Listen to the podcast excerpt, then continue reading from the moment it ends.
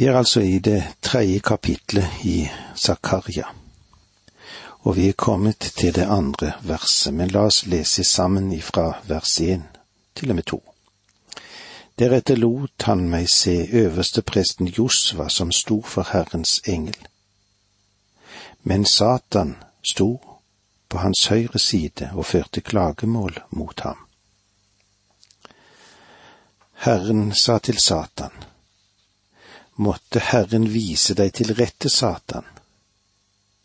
Ja, måtte Herren som har utvalgt Jerusalem vise deg til rette.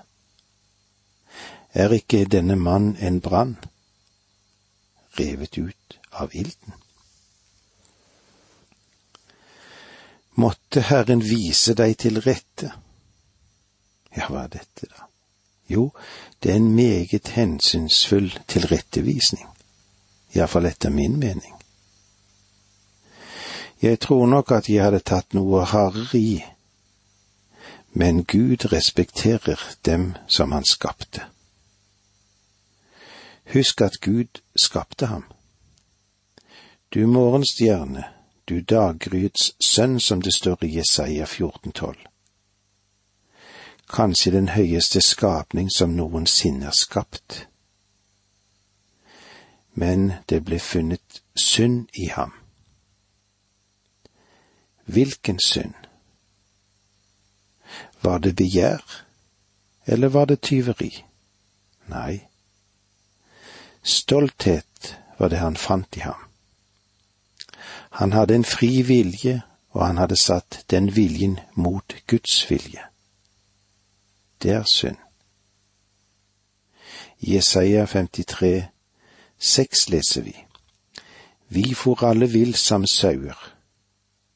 Vi vendte oss hver til sin vei. Spesielle synder som mord, tyveri, løgn, hor og alt annet kommer under overskriften sin egen vei. Dette er menneskeslektens problem ja, måtte Herren som utvalgte Jerusalem, vise deg til rette. Dette forteller oss at den anklagen kommer ikke på bakgrunn av Josva som person, men på bakgrunn av Jerusalem, nasjonens hovedstad. Er ikke denne mannen en brann revet ut av ilden? Det virket som om Jerusalem ikke kunne bygges opp igjen etter Nebukadnesers ødeleggelse. Og den lå i støv og aske i 70 år. Men ut av ruinene ble byen bygget opp igjen. Som en brann revet ut av ilden.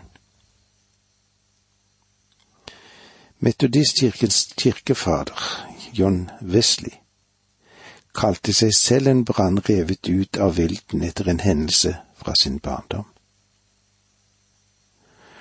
Og jeg kan bare tenke meg at mange av oss ser på oss selv i dag på samme måte.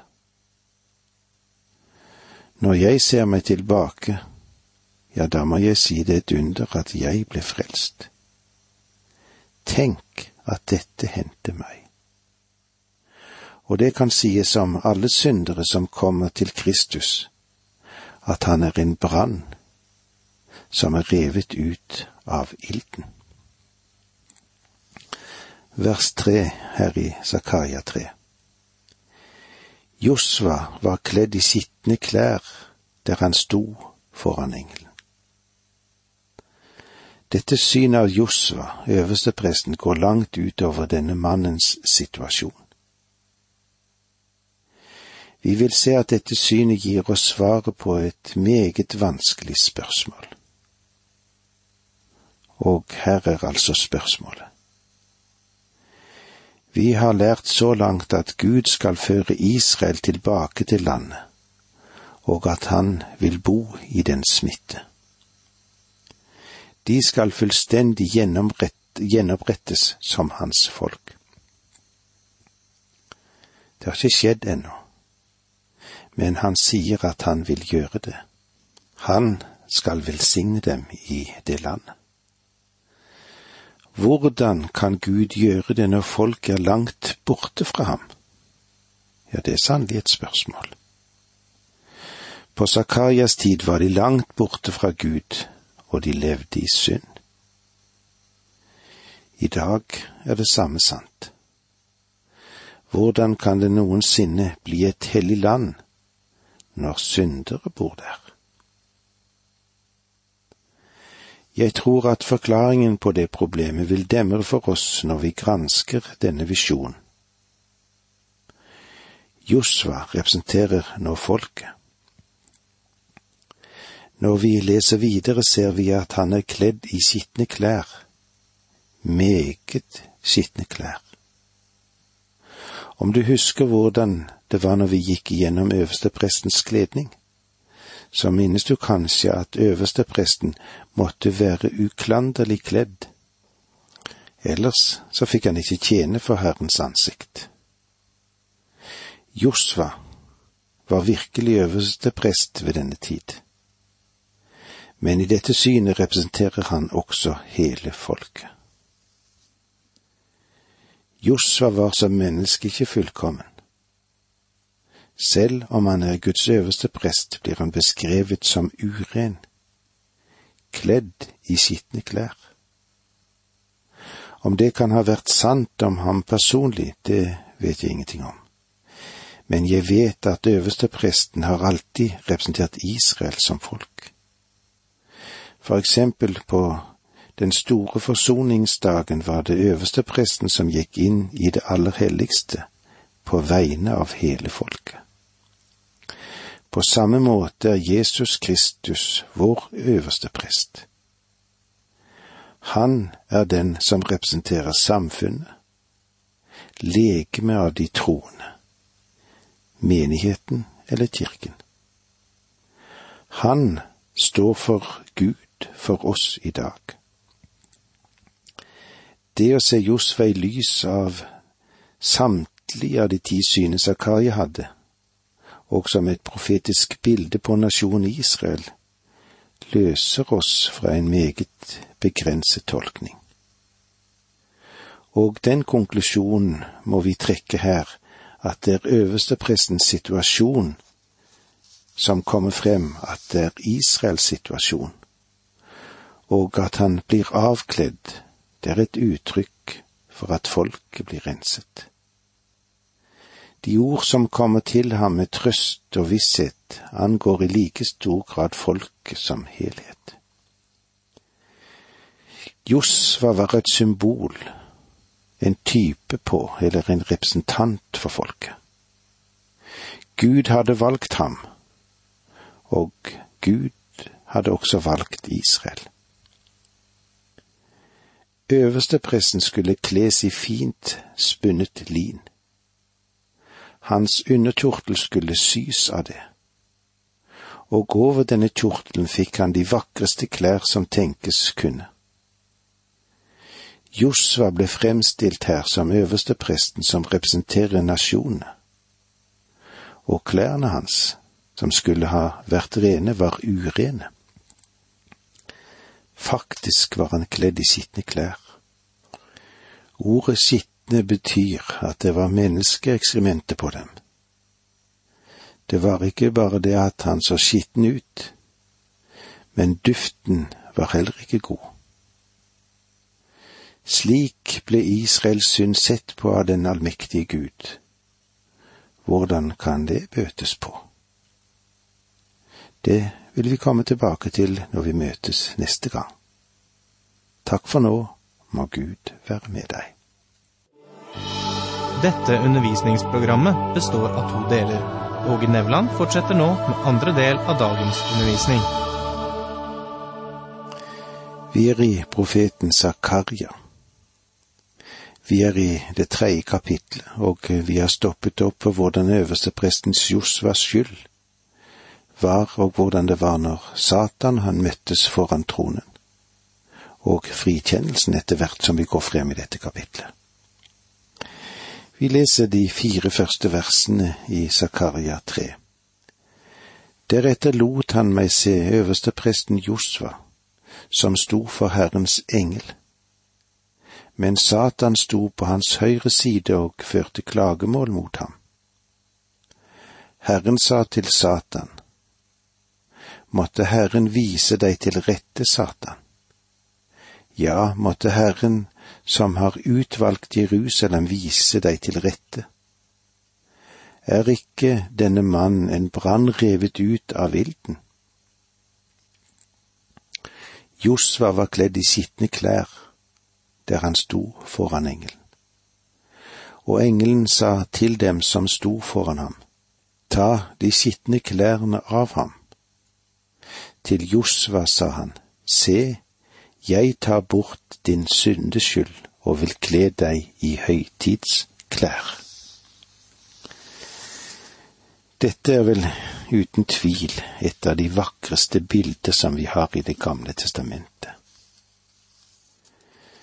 Josva kunne ikke bli stående foran en rettferdig og hellig Gud med disse skitne klærne på seg. Dette fortalte også noe om hans svakhet. Du forstår at å være skitten og fillet, slik som han var, det ga Satan en fordel, fordi hans motstander kunne peke finger til ham.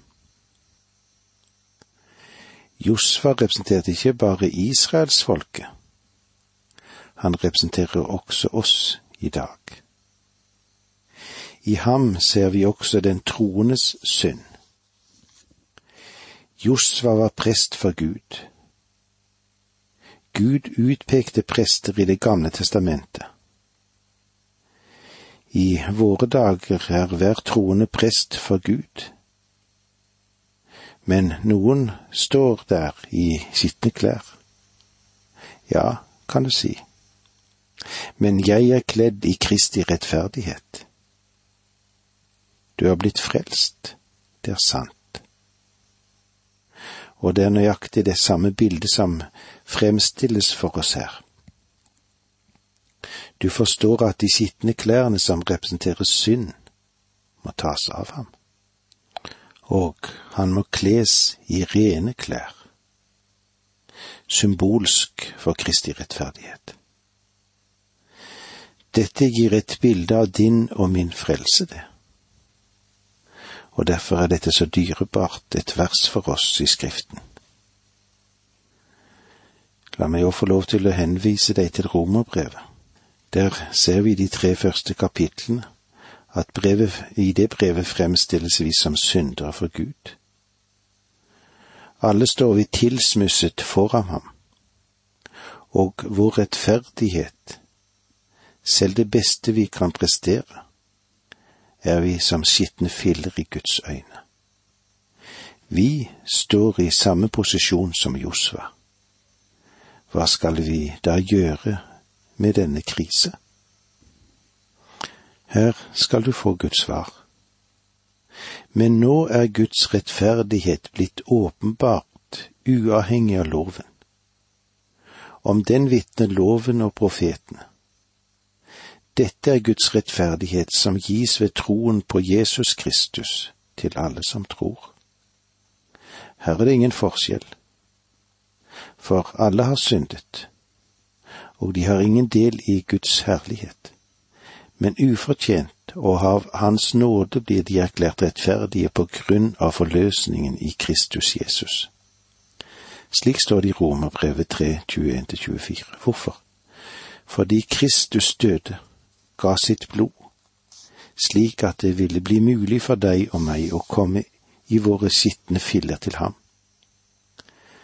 Han vil ikke akseptere vår egen rettferdighetsfiller, hvis vi kan si det på den måten. De vil han ta av, og så vil han kle oss i Kristi rettferdighet. Når vi står ikledd Kristi rettferdighet, finnes det ingen, ingen skapning i det hele tatt, som kan føre noen anklage mot oss, fordi vi er Guds utvalgte. Legg òg merke til hva Paulus skriver i Romerbrevet åtte, i versene 31 til 34. Hva skal vi så si til dette? Er Gud for oss? Hvem er da imot oss? Han som ikke sparte sin egen sønn, men ga ham for oss alle. Kan han gjøre noe annet enn gi oss alle ting sammen med ham? Hvem kan anklage dem som Gud har utvalgt? Gud er den som frikjenner. Hvem kan da fordømme? Kristus, Jesu død. Ja, mer enn det.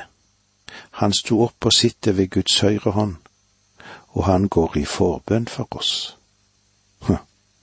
Hvilken vidunderlig frelser vi har det. Når vi stoler på ham som vår frelser, da tar han ikke bare fra oss vår synd, fjerner våre skitne klær, men han ifører oss sin egen rettferdighetskappe, og ingen kan anklage Guds utvalgte. Men vent nå.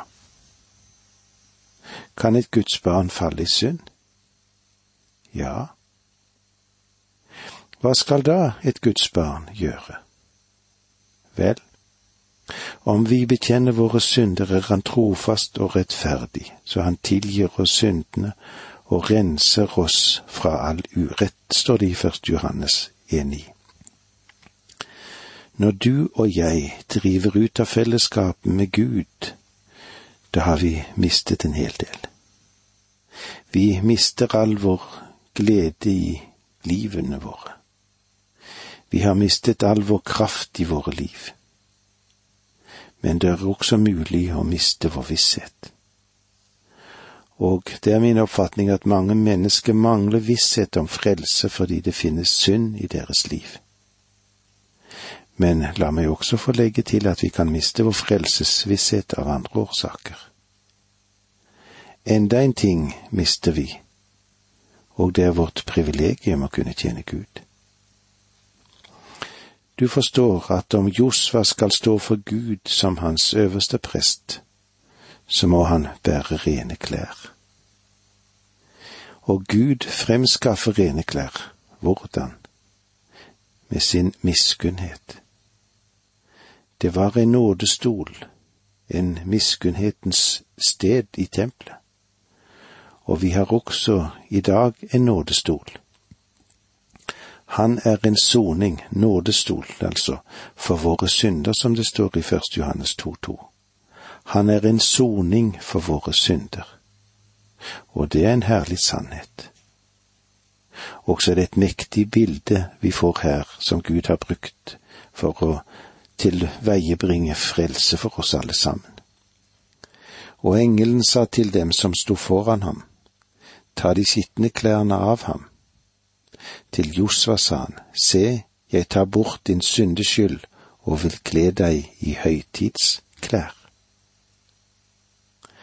Kanskje det kan være slik at du opponerer deg mot Gud, at kanskje Gud har utvalgt Israel. Valgte ham dem fordi de var særlig attraktive? Nei, han frelste ikke meg på grunn av det heller, at jeg var attraktiv.